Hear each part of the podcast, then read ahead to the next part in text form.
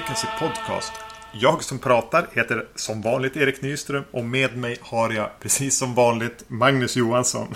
Det här är, för er som försöker hålla någon slags räkning, avsnitt nummer 72. Och Magnus, vilka filmer är det vi ska prata om? I det här avsnittet har vi sett två filmer som bär samma titel. Alltså en, eh, ett original och en remake. Vi har, vi har sett House of Wax från 1953 med Vincent Price. Och eh, House of Wax från 2005 med Paris Hilton. Precis. Och jag tänker att vi inte ödslar så mycket tid på någonting annat än att ge oss eh, ganska raskt in i, i House of Wax från 1953 i regi av regissören med det ganska vackert klingande namnet André de Tote. Jag noterade för övrigt att han eh, gjorde en del, har gjort en hel del film, men kanske det mest kända crediten han har i sin eh, resumé utöver House of Wax är att han var någon slags assisterande regissör, eller så här, åtminstone fanns med på inspelningen av Superman från 1978. Mm. Jag vet inte riktigt vad han gjorde. Hjälpte Richard Donner. Mm. House of Wax från 1953 handlar om en eh, vaxskulptör som har sitt eget eh, vaxkabinett. Han luras av sin finansiär. Det, det uppstår en brand på vaxkabinettet. Han försvinner i samband med branden. Kort därefter dyker en man upp som verkar vara ute efter hämnd. Och bygger upp, som även bygger upp ett nytt vaxkabinett. Mm. Det är lite märklig struktur på den här thrillern egentligen kan jag tycka. Den är lite svår att prata om. Men jag tänker att det blir tydligare när vi, när vi ger oss in i filmen. Yes. Det är Warners eh, eh första eller största vid, vid tidpunkten eh, 3D-film eh, också. TV, TV hade börjat komma hem. Ja, det var ett hot för, för, för, för bioindustrin. Precis, så som vanligt, eller som vanligt för första gången kanske i det här fallet, eh, så tar man till med 3D-film då. Och eh, det här är väl den första stora studiofilmen eh, i färg som har 3D mm. i sig. Och den var ju även en gigantisk succé, eller kanske inte gigantisk, men den var en väldigt stor succé när det begav sig. Mm. Eh. Precis. Och eh, du har inte sett den här i 3D, förstår jag? Nej, eh, det har jag inte. Men det har du. Jag vet att du har en. Eh, det är någon, något nysläpp på Blu-ray som finns där som du har. Precis, de har ju släppt den här i den här nya 3D-tekniken då så att eh, man inte behöver ha, ha de här, eh, vad är det, blå och rött glasögon utan eh, stora bulkiga glasögon istället med teknik i. Eh, och eh, det tycker jag är det häftiga med den här nya tekniken. Att, att ha stora glasögon? Ja, precis. Så stora som möjligt. Eh, nej, utan, utan att de kan släppa de här gamla filmerna på, som var i 3D och försökte eh, liksom få folk ur hemmet för första, första vändan och även andra då med, med saker från 80-talet. Det har inte kommit så mycket av de filmerna dock. Inte till den här nya 3D-tekniken. De har ju kommit med de här 3D-glasögonen, någon av dem i alla fall. Har mm. ju gjort det. Eh, Medan eh, House of Wax här och vad heter det? Creature from the Black Lagoon och... Eh, Var det Dial M for Murder? Precis, har ju, har ju släppts eh, med den här nya 3D-tekniken. Det är roligt. Du har alla tre va? Ja precis, jag har inte sett Creature from the Black Lagoon än.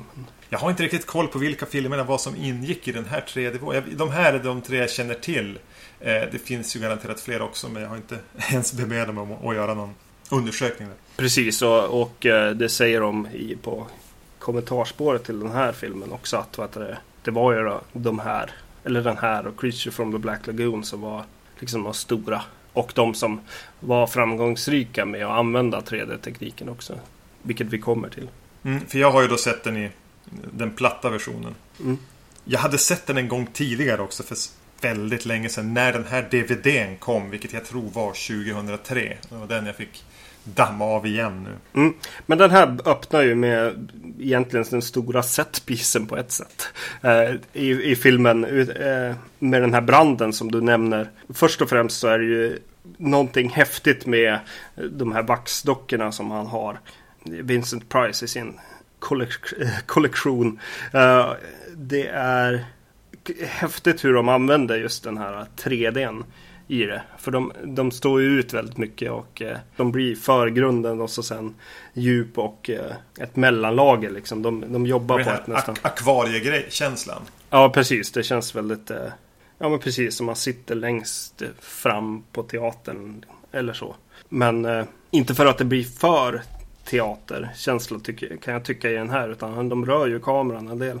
Och eh, gör ganska häftiga grejer med just den här elden som, som kommer och slagsmål i eld. Och det känns som att eh, eh, det kan hända en olycka när som helst. Lite i den här inspelningen.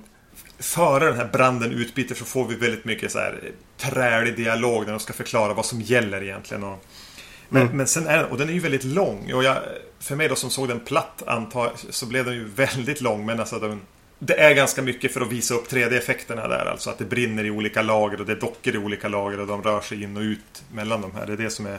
Ja, det är ju väldigt mycket 3D-grejer. De jobbar hela tiden med det. Men, eh, men jag tycker att de lyckas ganska bra med det också. Det är väldigt likt egentligen Dial M for Murder då, som jag också sett att just den här eh, lite suddiga grejen i förgrunden och så sen, ja, men djupet och så blir, blir häftigt när man jobbar i lager snarare än i, alltså att man jobbar typ i tre lager istället för tusentals som de gör i ja, film som görs idag. Man vet inte ens om att det är 3D-film längre när man går och tar på sig de där glasögonen på något sätt. För man känner inte av det längre kanske på samma sätt.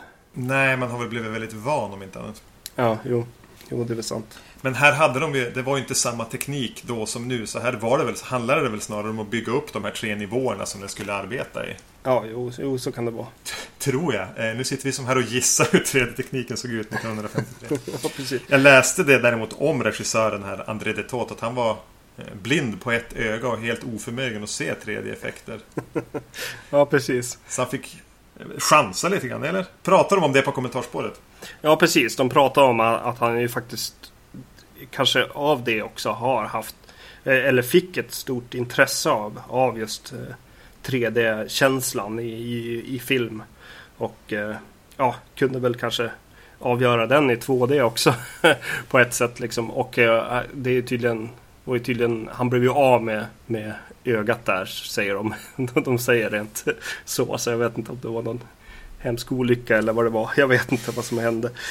Men ja, så han har ju sett, sett i, i 3D så att säga. Vid något tillfälle. Men eh, han verkade väldigt intresserad och hade, och hade en pitch tydligen för, för att göra den här filmen. Eh, Så tydligen som historien som gavs där var att vet du, när de väl började så här, jaga ny teknik. De jagade så här. Ja, ska vi göra 3D? Ska vi göra bredare bild på bio? Eh, än vad det är i hemmet liksom. Ska vi lämna det här 4.3 formatet? Eller, eller är det 3D? Eller ja, vad det nu ska vara som får folk till biograferna igen. Mm. Och eh, då hade Warner, alltså vad heter han, Jack Warner, plötsligt bestämt sig. Nej men 3D. Så då i typ matsalen så hade han bara Du där! Pekat på, på, på ja, Andre här. Och bara Börja göra din film, du får så här mycket pengar liksom. Så, bara, ja. så gick det tydligen till där på, på Warner. Jack Warner är väl lite ökänd för att vara en men de här demonproducenterna så man är väl inte förvånad direkt. Nej, Nej, men oavsett den här scenen då, den här stora slagsmåls eh, vaxkabinettet brinner-scenen är ju häftig även om man ser den platt.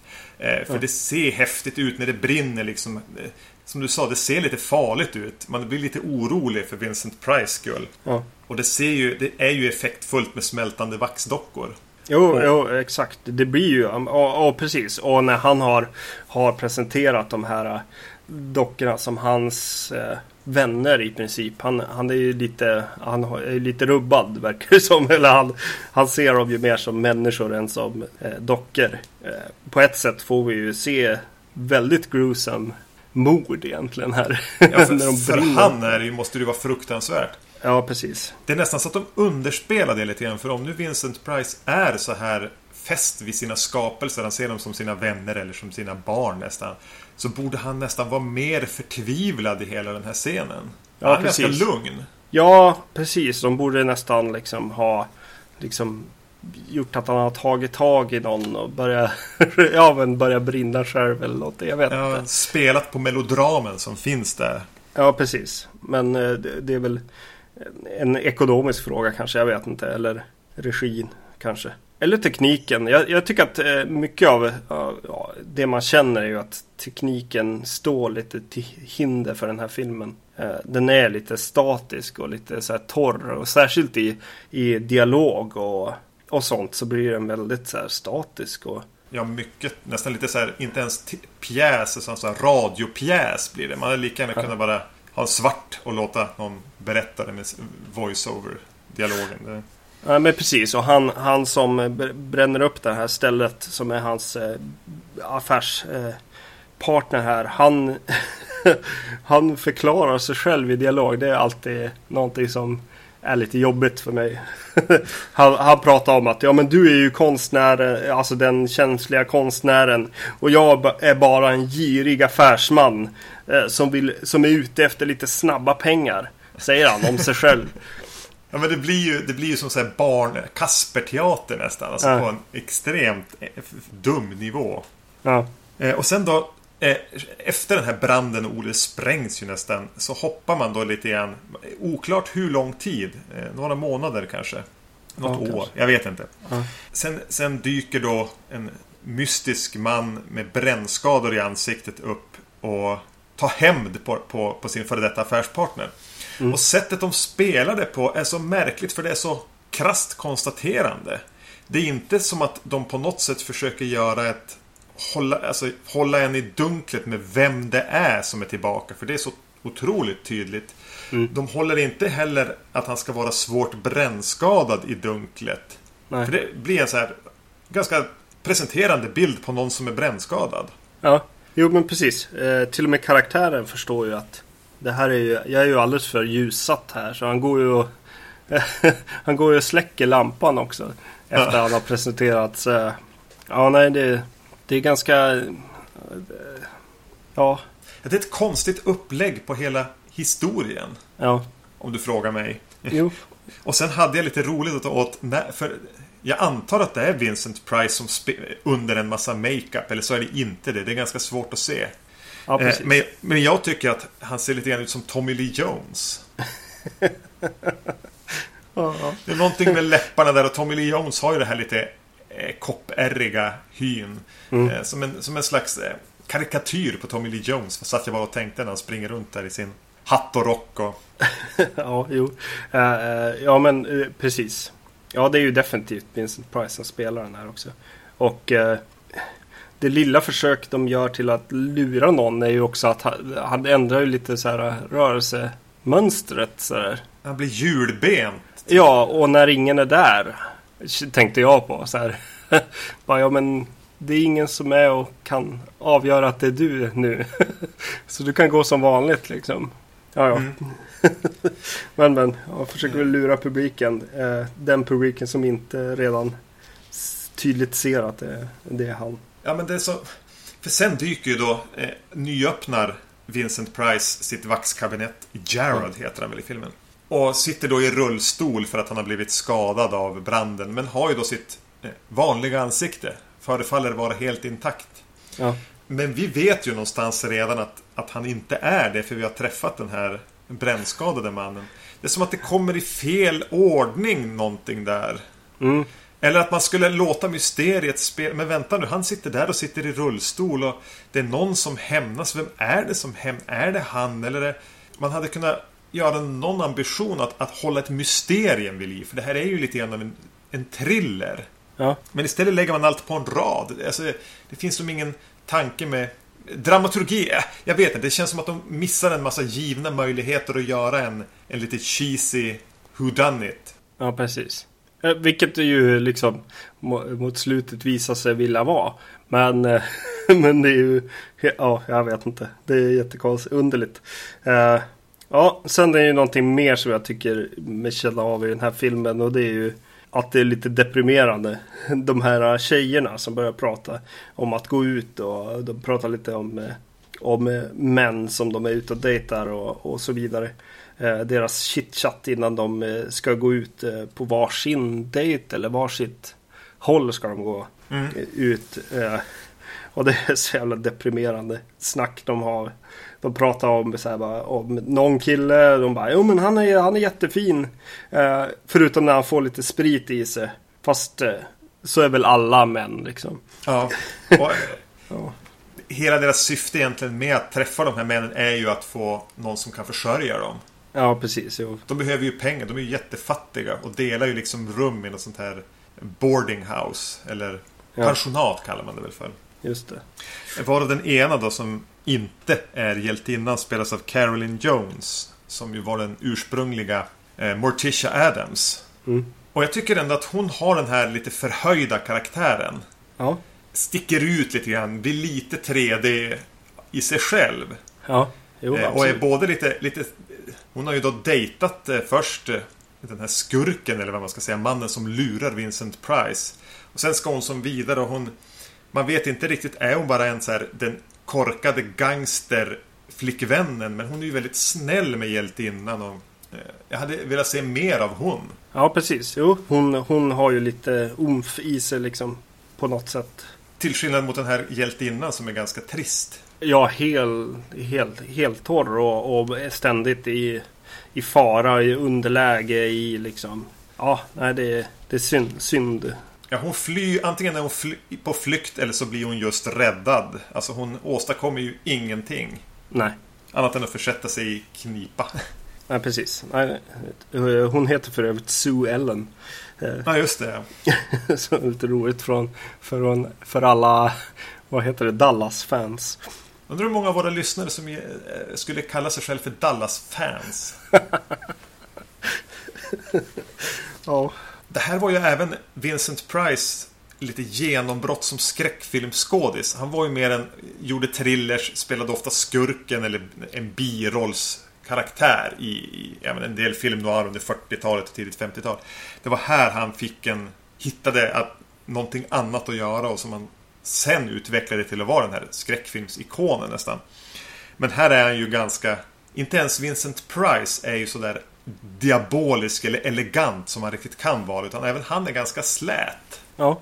Han är ju ändå en intressant uppenbarelse på, på, på film, tycker jag, som är ett ganska stort Vincent Price-fan. Alltså, han, bara att han kan kliva in i, i, en, i en bildruta så har han en slags närvaro och en lyster. Men mm han har inte så mycket att jobba med här. Nej, nej det har han inte. Och eh, nej, men precis. Även så här tidigt eller vad man ska kalla det i sin karriär så känns det som att han går på rutin snarare. Det känns som att det inte finns någonting att, att jobba med riktigt. Och, och jag tycker att det är så mycket i manuset som är så trött och och konstigt och så försöker de hålla uppe någon slags eh, mystik som, inte, som från ruta ett inte finns där egentligen också. Så det blir lite torrt lite överallt och så blir det lite så här facepalm grejer tycker jag hela tiden med kvinnobilden framförallt nästan. Men eh, han har en härlig replik, replik för hans favoritvaxdocka var en eh, Marie Antoinette som han har gjort och han var väldigt noga med den och gjorde om den flera gånger och sen smälter den ju då i början. Han berättar om hur länge han hade kämpat med det där. Men han var inte riktigt nöjd heller. Eh, han vill hitta den perfekta. Och då pratar han med någon som, han, som sa Ja men nu när du är tillbaka ska du göra Marie Antoinette. Ja. Eh, och då har det ju redan antytts att, att Vincent Price använder offren till de han hämnas på som vax och gjuter in dem i vax. Ja. Eh, och då frågar man, ska du göra Marie Antoinette nu då? Nu när du är tillbaka och har ditt vaxkabinett. Och då säger han bara i must find her first. A model I mean. en sån här Shifty Eyes-replik. ja, nej, det är roligt. Men den är ju sådär, den vill ju vara lite kul också. Ja, men den har, ju en, den har ju en del försök till humor. Det var inte så mycket av den humorn som fungerade. Men jag kunde ändå uppskatta att den fanns där. Ja. Alltså att den ger filmen lite av den här ganska gladlynta 50-talskänslan. Där det blir lite matiné över det också. Ja. Som, som jag tyckte om. Jag vet inte. Kändes humorn för dig? Jo men den kändes ju kul när den var lite makaber och sådär. Men, eh, men sen kommer det ju liksom sådana så här Just like a woman. They always need to have the last word. Och ja. sådana grejer om, om ett, ett lik som hoppar till för att jag vet inte vad. det var något med här, balsameringsvätskan. Ja, precis. Var det någon häftig 3D-effekt med det kanske? Ja, ja, den hoppade ju upp där i bild så ja, jag vet inte. Det var inte så, så kul var det inte. Men ja, nej jag vet inte. Och så, och så jo, de står ju där på, vet du, på sjukhuset och, och pratar och pratar om att eh, hon verkar ha fått någon så här bedövningsmedel eller någon så här sömnmedel eh, i sin drink typ. Typ ja. roofies helt enkelt. Och då hade hon varit, och då säger de ju också, jo, jo men det, det är ju oftast så man ger, eh, ger sådana i drinkar. Liksom. Det var lite... Fin, finns det något cyniskt mörker i den här ändå? Absolut. Men hur häftig var 3D-pingisen då? Ja, precis. Det är ju den, eh, den roligaste grejen. Det är ju ungefär som ja, men Popcorn eller vad är det de har i? Jo, det är jojon. Det är fredag den 13 3 där. Kan väl förklara scenen för de som inte har sett den så är de, alltså när han har öppnat sitt vaxmuseum så har han en slags sån här som eh, Kom och se, kom och se, här är det eh, vax, Alltså som han har anställt som står utanför som har en ett pingisracket med en pingisboll och ett snöre. Och står där och kör sin rant och slår den här pingisbollen eh, mot kameran ideligen. Och tittar rakt in i kameran och säger Ja du där med popcornen. Ja precis, akta dig. Mm. och sånt. Eh, det, det är ju lite roligt. När du bara, ja men okej, det här är bara fjärde väggen borta och så bara pratar vi direkt till biopubliken. Men jag gillar hur den scenen sen slut, alltså det blir bara löjligare och löjligare känns det som där, där han står och rantar. Och eh, det är bara 3D, ja, fest på något sätt. Men det, jag gillar slutet på den det, när Vincent Price äh, säger till någon eh, så här bara, ja, nej, men, ja men det var kanske lite konstigt att anställa honom. Jag, ja, vi får se hur det går. Jag, jag kanske tar bort den sen. det gillade jag att det var att det, att det slutade med så här. Jo, det där var lite jobbigt på något sätt. Ja. I början av, av, filmen finns det även någonting jag tänkte skulle vara lite grann av ett tema. Men de knyter ju allihop det. Det är ju det att Vincent Price är ju en konstnär. Han vill göra seriös, seriösa vaxkabinett. Han vill inte bara göra så här Grand Guignol med, med makabra mord och sånt. Mm. Eh, Medan hans investerare liksom säger bara Jo men det är det du ska göra, då vi kan tjäna pengar. Och han vill liksom komma ur det. Så att den har någon så här konsten som står Alltså den konstnärliga integriteten mot girigheten. Mm. Eh, som ju finns där i början men inte riktigt jag hade velat se att man kunde använda det genom filmen. Eh, att Vincent Price karaktär i alla fall fick resonera kring det att tidigare brann jag för konsten, nu brinner jag för hämnden eller någonting. Eller... Ja, just det. Eh, jag kan, jag kan tycka att det finns någon, någon poäng de vill säga ändå med att vad det, han kommer tillbaks och faktiskt gör sådana konstverk också med så här tortyrkammare och så. Eh, för att ja, han har ju han, har, han, är ju han är ju skadad, besegrad helt enkelt på något sätt. Eh, men också så har han ju hittat någonting i, i, i sig som gör att han vill skada människor. Liksom han också på något sätt. Mm. Men ja, men som, som sagt det kanske inte riktigt kommer fram sådär. Och, och det blir ingen ja, alltså, twist på det i slutet eller några nå, nå fina ord liksom. Utan det blir verkligen bara det. Annars är väl kanske det mest intressanta med House of Wax ändå, förutom då att det är Vincent Price lite 3D än hans claim to fame som skräckfilmsikon. Är väl att eh, Charles Bronson är med. Ja, precis. det är det ju. Uh, han spelar ju Igor, hans uh, hjälpreda som är vet du, döv och stum. Och uh, Ja, är ju en riktig sån Igor. helt enkelt. Nej men uh, Mad Scientist uh, Sidekick. Uh, men jag tycker han är bra. Ja men Eller? Jag, skulle, jag skulle komma. Han är ju också en sån här karaktär som Ja men lite grann som Carolyn Jones. Det syns här att de skulle ha fortsatta karriärer. De har alltså det. Mm. Även om man inte säger någonting så har ju Charles Bronson ett sätt att, att ja, som jag beskrev Vincent Price lite grann. Men Charles Bronson överglänser ju han i den här filmen. Genom att liksom synas när han är i bild ordentligt. Utan att behöva göra speciellt mycket. Nej, precis. Och, och ger honom karaktären ett, ett djup han kanske inte har på, på, i manuset. Och för övrigt är han ju jävligt vältränad också för övrigt. Ja, så det är inte, man är inte riktigt van att se den, den typen av biff i en film från 53. Alltså det var inte muskler, samma sak på film förutom typ Tarzan. Nej, precis. Och, och den här lite seniga och liksom man, man, man ser pumpet på något sätt. Ja. Eh, men, eh, nej men han är ju... Han, han, jag, jag tyckte om honom i den här filmen. Definitivt. Och eh, han, han blir ju... Han har ju några bra scener mot slutet också. Där han används som eh, det läskiga på ett sätt också. Mm. Och eh, de funkar ju väldigt bra också tycker jag. Det var på tiden när han hette Charles Buczynski. Innan han hade tagit sig sitt filmstjärnenamn. Ja. Jag måste fråga om den här filmen då. Eh, vi har pratat mycket om 3D redan. Men, men kände du av det överhuvudtaget? Eller tänkte, såg du den bara som en film liksom? Eller? Eh, jag, visste, jag tror att när jag såg den första gången visste jag inte om att det var en 3D. Men nu var jag ganska medveten om det när jag såg den nu. Nej, jag tänkte aldrig på scenerna i slagsmål när det brinner här och vaxstocken och sånt där. Utan det är, det är någon given grej förutom, pingis, förutom 3D-pingisen. Så är det kanske någon grej jag tänker, ja men det där är för, för 3D. Men annars nej, den känns... Den, den fungerar platt också tycker jag. Även om den blir väldigt platt. De kastar stolar mot eh, kameran och annat. Men eh, eh, kabarén då? Tänkte du inte på den då? För det är ju, det är ju bara liksom Ja, det är sant. 3D. 3D bara hej! 3D-bonanzan. Mm. Ja precis. eh, Med, med tjejer som, som dansar. Så här vilda västern bensprattel. De Ja, sparkar precis. ut genom eh, rutan. Ja precis. Om man ska titta liksom in under kjolen. Verkligen där. Ja nej, det bara kändes, kändes konstigt som scen också. Och de, de säger i princip dialog också. Bara, ja, men, Gå folk på sådana här ställen säger hon. Och han bara Ja, jo det är väl lite konstigt. Så. Det är ganska märkligt ställe att ta med någon på en dejt. Om inte annat. Ja. Just det. Det låter... Jag vet inte. Om jag får pejla in dig så tyckte du inte om House of Wax så himla mycket. Inte så himla mycket. Jag har en svaghet ändå för just ja, dels Vincent Price, dels filmer från den här tiden. Att jag har svårt att tycka riktigt illa om dem. Jag kan tycka det är ganska skönt att kolla på en sån här film. Eh, Och så är den, vad är den 1.25. Ja, Så den, precis. den hinner ju aldrig bli tråkig. Utan Nej. den har ett... Den, den lunkar på, men det...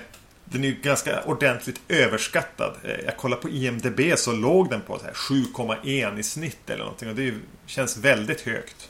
Ja, jag håller med. Eh, nu, nu ska vi prata om de här som, som original och remake. Men eh, den här filmen är ju också en remake på en film från 1933 som heter Mystery of the Wax Museum. Som de i princip tog manuset till och filmade om. Jag, jag, jag säger, om man tar den sven, svenska liksom ordet liksom, nyinspelning skulle jag kalla den här.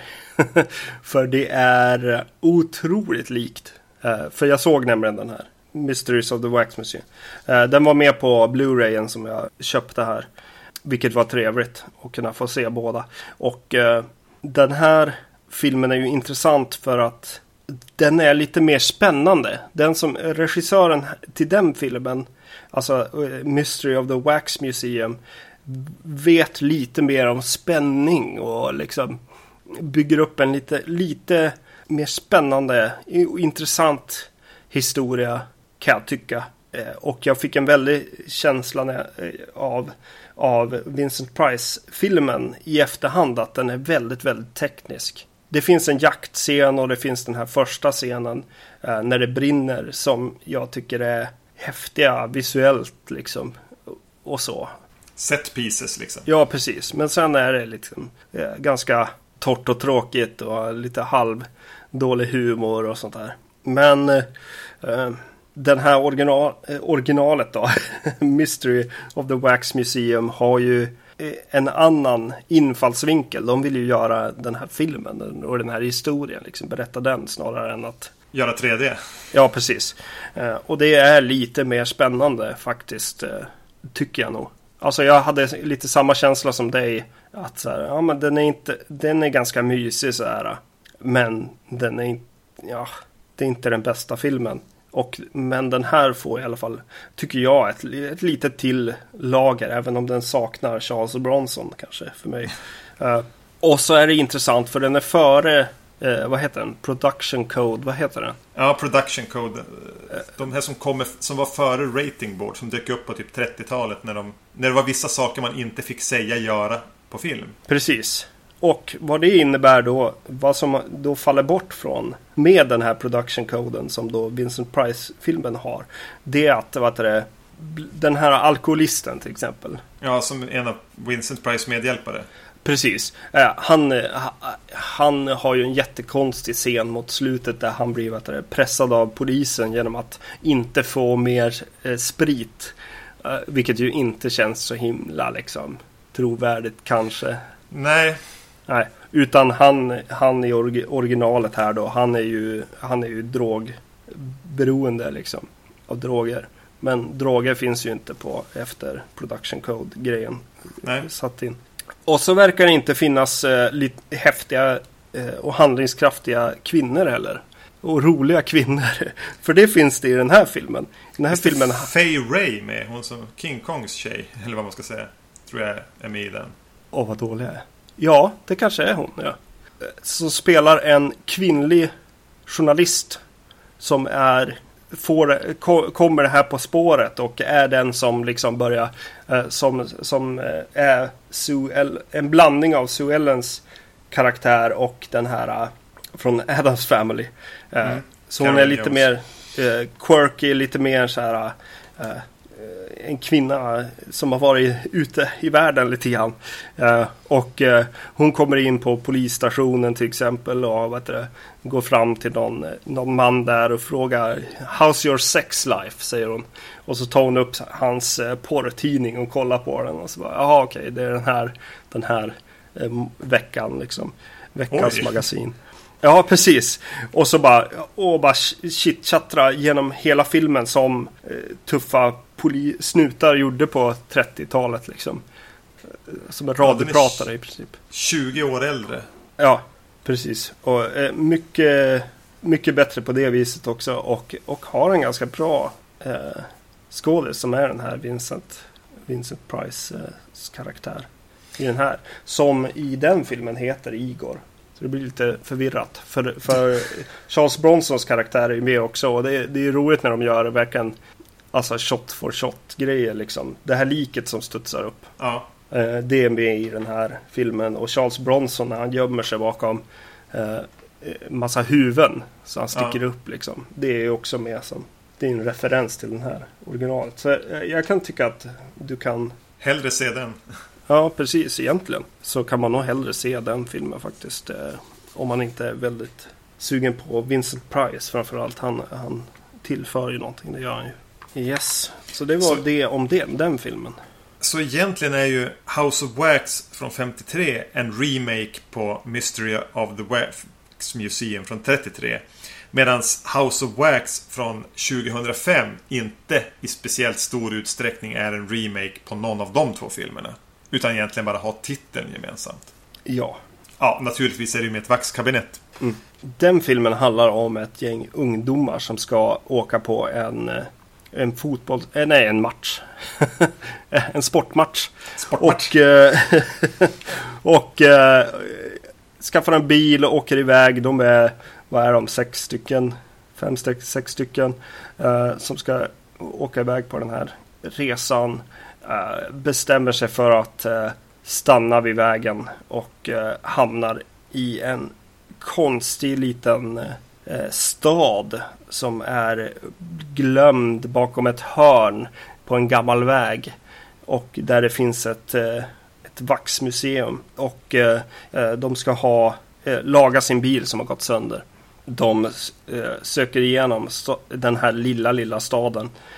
Och hittar, hittar till slut alla i en kyrka. Och där är det en person som är som kommer ut ur kyrkan för det är en, en begravning eh, som pågår och han är väldigt eh, sur på dem för att de har eh, stört begravningen.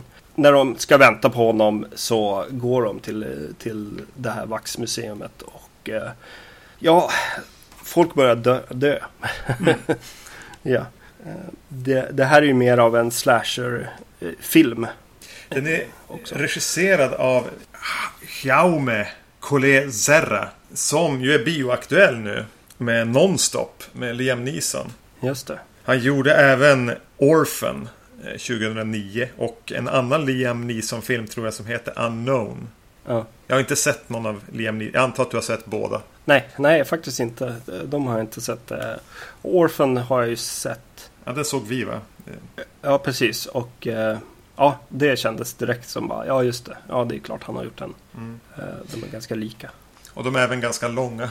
Ja. Eh, eh, återigen så hamnade jag i det här läget när jag var tvungen att hyra från iTunes. Ja. Och eh, skulle se den just innan vi skulle spela in och tänkte att ja, men en, en, en, en, den här typen av film, 1.28 var min gissning. 1.52 Ja. eh, kändes väldigt långt för den här typen av skräckfilm. Eh, det var min frågeställning jag hade med mig in. Om den är för lång. Ja, precis. Eh, den här börjar ju precis som, som originalet om man ska se skillnad. Likheter kanske. Eh, så, så börjar den med en sekvens som utspelar sig innan själva filmen. Förloppet i filmerna. Den utspelas 1974 i en försekvens då som handlar om två barn och en familj. och de familjen spänner fast ett av de små barnen i sin stol när de ska försöka äta för att han är helt vild. Ja. Och eh, det är försekvensen egentligen. Jo, de slår till det barnet också. Ja, och det, det kände jag så här bara, ah, okej, nu, nu är vi på de här remakesarna. Eh, det känns, det osar lite Black Christmas remake, Halloween remake. Ja, Texas Chainsaw Massacre kom ju dit också till Mm. slut. Där, där man börjar så här fokusera lite på skurkarna. Ja, men vill ge dem en backstory eller vill göra dem intressantare. Vad man tror är intressantare. Mm. Och hela det här introt känns överlångt. Ja, De, de tejpar fast den här eh, stackars pojken i stolen väldigt länge. Mm. Bara den, bara jag tänkte att... Och det kommer ju inte direkt någon punch på det heller. Eh, En, eh, en, en sån här försekvens som eh, utspelas i dåtid är ju vanligt från slasherfilmer.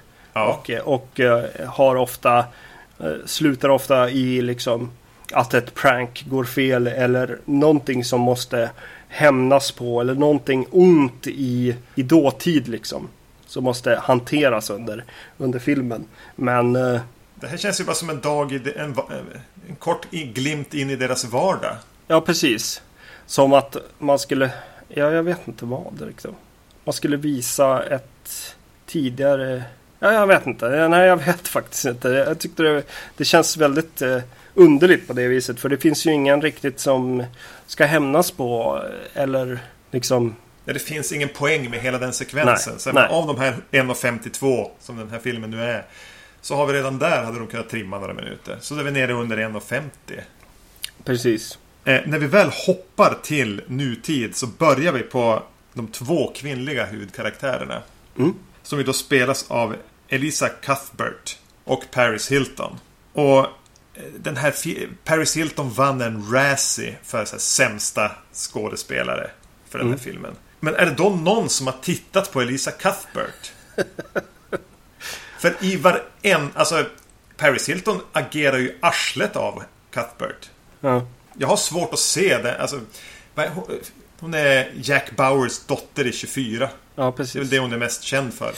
Eh, Man har sett hon i någon, någonting annat än här. Hon var med i någon film, någon annan skräckfilm. Hon är ju alltid liksom blylodet. Ja. Som sänker projekt hon är inblandad i. Jag tycker att hon är en vedervärdigt usel skå- skådespelerska. Förmodligen en av de sämsta som har fått göra film under 2000-talet. Mm. Hon är ju dålig i sin tv-roll. Och eh, jag vet inte om man ska steppa upp till film då. Jag vet inte. Ja, Men, men, men. Är tacksam att ha med i och med att hon är hon är ett känt namn. Ja, jo. Eh, Ja, nej. Eh, ja, jag håller med. Och Paris Hilton blir ju en karaktär i den här. Hon... hon eh, nej, jag tycker att... Eh, Jag har inget Jag har inget ont att säga om Paris Hiltons skådespeleri i den här filmen. Egentligen. ja, precis. Nej. Eh, och jag, jag gillar verkligen när hon... Hon ser vad som händer. På något sätt, Paris Hilton. Hon har, ju, hon har ju lite... Hon är ju där för att hon är Paris Hilton. Alltså så är hon den lite så här... eh, Som tycker att det är smutsigt ute i skogen i princip. Ja. Eh, och eh, är ganska härlig på det tycker jag. I vissa scener. Så här. Särskilt när de är vid den där kadavergropen som vi kommer till kanske. där, där hon påpekar om dumma beslut som tas. Ja, och så har hon lite den här nonchiga, arroganta ansiktsuttrycket hela tiden. Som är lite, är lite hennes signum. Som Ja. jag tycker passar rätt bra in. Det, det fungerar på den här typen av karaktär. Hon ska ju vara lite sån. Jo, precis. Jo. Eh, någonting som jag själv blev lite chockad över, höll jag på att säga. Det var att jag smågillar när det kommer in en videokamera i filmen. Någonting man så här, eh, var ganska trött på. När det här när man hade sett några filmer här från tidigt 2000-talet. Eh, Men eh, jag tycker den används ganska kul. Den används som någon slags eh, cue för att ja, men det är lite creepy nu och eh, ja, nej jag vet inte. Jag tycker att det funkar just för att eh, det övriga fot fotot i filmen är lite mer stillsamt och lite mer Storproduktion kanske jag ska kalla det. Jag tänker att jag skulle eh, komma tillbaka till videokameran när vi är alldeles i slutet. Eh, men jag tänkte ju bara att anledningen att en av karaktärerna springer omkring och filmar och filmar lite de andra karaktärerna. Och det är för att Paris Hilton var vid det här laget kanske mest känd för sin sexvideo. Och att det är det man anspelar på. Ja, just det. Ja, ja, ja men jag, jag gillade när de, alltså när de hade en av, en av kill, ja, någon som har den där videokameran i början. Ja, går mot eh, en av bilarna de har. Och eh, de spelar någon musik som är lite så här eh, creepy, jobbig liksom. Och så bara går han närmare två karaktärer som bara sitter egentligen och väntar i bilen. Och så helt plötsligt så ser de bara, ja men oj shit nu. Han är och filmar så de skäller ut honom i princip. Jag gillade den lilla sekvensen. Cuen lite grann. Kanske just efter att vi, eh, det senaste jag såg var just eh, David Lynch-filmerna som vi har sett. Mm. Lost Highway. Påminner lite om det. Jag kan inte säga att, att videokameran gjorde till eller från för mig. Eh, förutom en sak jag vill återkomma till när vi wrap it up. Mm. Jo, men eh, ja visst, då är de och partar lite grann och så sen så börjar de tycka att det luktar illa. Eh, där Ja. också. De hamnar vid, då i en kadavergrop eller vid en, eller i en, eller vid. Mm. Ja, precis. Eh, hon, eh, vad heter hon? Eh, Cuthbert. ja, precis. Hon eh, trillar ju i den här kadavergruppen och jag tycker att det är ganska härligt sadistiskt på något vis. Eh, de ramlar dit och eh, just att Paris Hilton just innan när de är på väg dit har just sagt att så här, man ska inte följa en sån här typ av doft liksom. Eh, det Nej, det ska man ju inte göra. Nej, precis. Och sen hamnar de ju så småningom via en kliché till Redneck i den här, eller två av karaktärerna, gänget splittras av olika anledningar. Hamnar ju i den här staden. Som ändå, jag gillar den staden.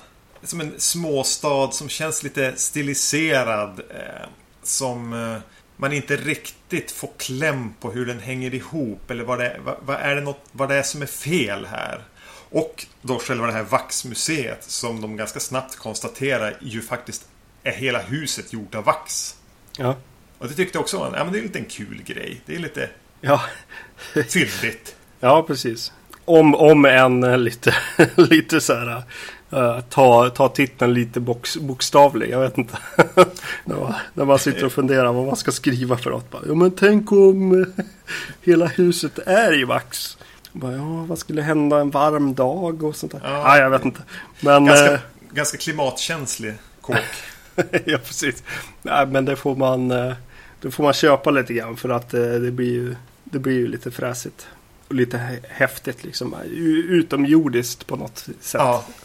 Och den, den känslan jag kan få av hela den här staden som jag tycker nästan är styrkan med filmen. Ja. Att det är någonting som är skevt och de vandrar runt här och den här mannen dyker upp och ska hjälpa dem. Men han kanske inte är en hjälpare ändå. Nej.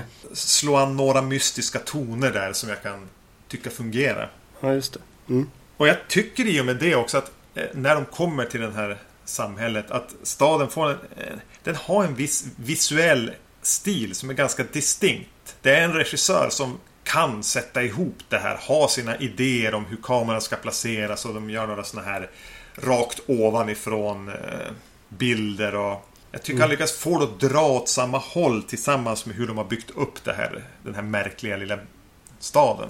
Ja, precis.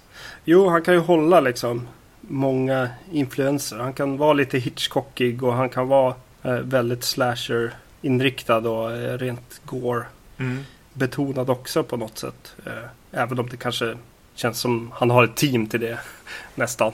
Det känns som att eh, styrkan kanske ligger i just de här ja, men st- staden och liksom hur man filmar den och hur man bygger någon slags spänning ändå. Jo, men precis. Och det är ju en slasherfilm så det ska ju vara som, som sagt gore och effekter. Det känns verkligen som att de mötena som de har haft innan, innan de har gjort den här filmen har spårat ut lite grann. och blivit lite så här äh, istället för vad är de häftigaste blodeffekterna? Vilka vapen kan vi använda? Vilka liksom, ja. Det blir liksom inte mer ett effektmöte. Eh, mer än att vad är det mest sadistiska sakerna man kan göra mot en människa eller så snarare. Jo, eh, de har ju verkligen velat, velat ta i ordentligt med det. Och jag får även en känsla av att de hade velat gå ännu längre medan eh, de blev tvingade att hålla tillbaka för att de skulle få den här få upp filmen på bio. Mm. Och jag tycker man känner av den kompromissen. Att det fanns en ambition att ta det här till sin yttersta extrem. Ja. Och sen har kommer någon, någon kommer och sagt nej, tona ner en aning. Så man hamnar i ett ganska... Det blir lite faddsmak av en mellanläge. Ja, jo. Jag hade då hellre sett att den här filmen hade fått ta de här extra sadistiska snäppen. Mm. Och inte vara var så klädsamt nedtrimmade som de är nu för att ja. Inte få en, en eh, X-rating eller vad hade riskerat att få. Ja, precis. Nej. Men jag tycker ändå just, just de här grejerna som har med...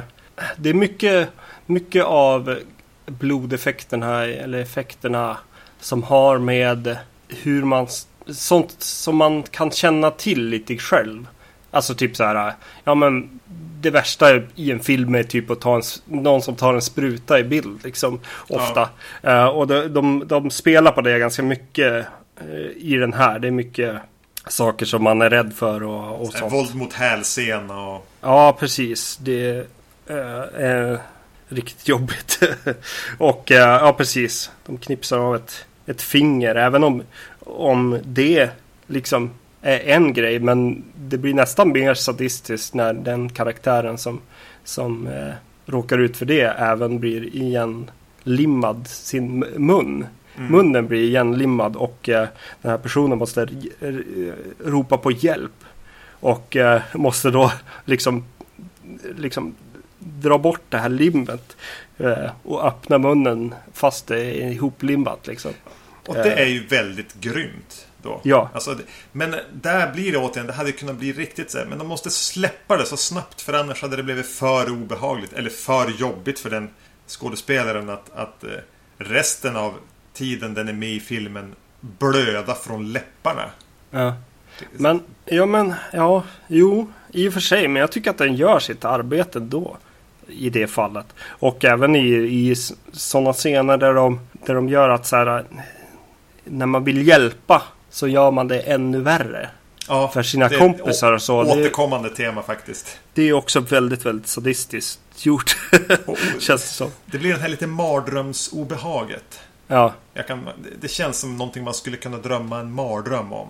ja precis. Ja, nej, det är ganska häftigt på något sätt. Och det är ju roligt att vi ändå sitter så här. Ja, men okej. eh, Effekterna och så pratar vi lite om karaktärerna som är med i den här filmen. I det här ungdomsgänget. Det är ju de jag vill veta mer om.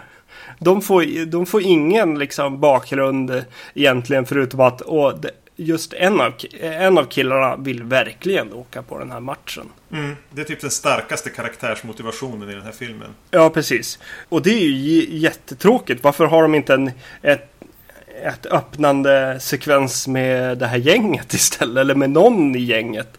Eh, eh, istället för med eh, den här liksom familjen som är med i början. Jag vill ju känna för de här personerna när de måste liksom öppna sin igenlimmade mun. Liksom. Snarare än att känna för den som limmar ihop munnen. Varför ska jag känna för den personen? Ja, jag vet inte, det blir ju någon konstig konflikt Och när den ändå har e- e- en timme och 52 minuter till sitt förfogande. Ja, Så disponera det på ett annat sätt kanske. Kanske ta bort två karaktärer.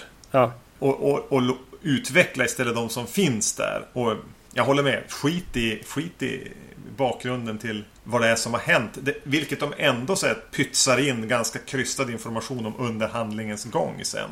ja precis. Eh, det, och till slut helt oviktiga saker som vem... Ja men det handlar ju om de här pojkarna förstås eftersom att det är så långt bak i tiden liksom. Ja, Så bara, åh nej, det var, det var den pojken som var den pojken. Alltså bara, ja, jaha, va? det är helt ointressant för mig. ja, men det blir ju lite kopplingen till, till remaken på Black Christmas. Eh, är det också bara, ja, men Ja. Nu, har ni lagt, nu pratar ni om saker som är jättetråkiga här. Ja. Alltså det blir som en twist som är helt irrelevant. Jaha, det där var den vilda pojken, inte den andra. Ja, nej, det är så konstigt. En av dem heter ju Vincent också, måste man väl kanske nämna. Det som en jättereferens då till Mm. originalet här. Jag vet inte. Eh, Får du en känsla lite grann av att den andra spelar eh, Charles Bronsons karaktär? Nej, Nej, nej. Nej, det är väldigt lite som, eh, som eh, följer med från, från originalet här. Eh, Det finns en, en vaxmaskin som... Alltså hur, hur, hur man skapar de här vaxdockorna av, av människor ja. av människor som, som kvarstår.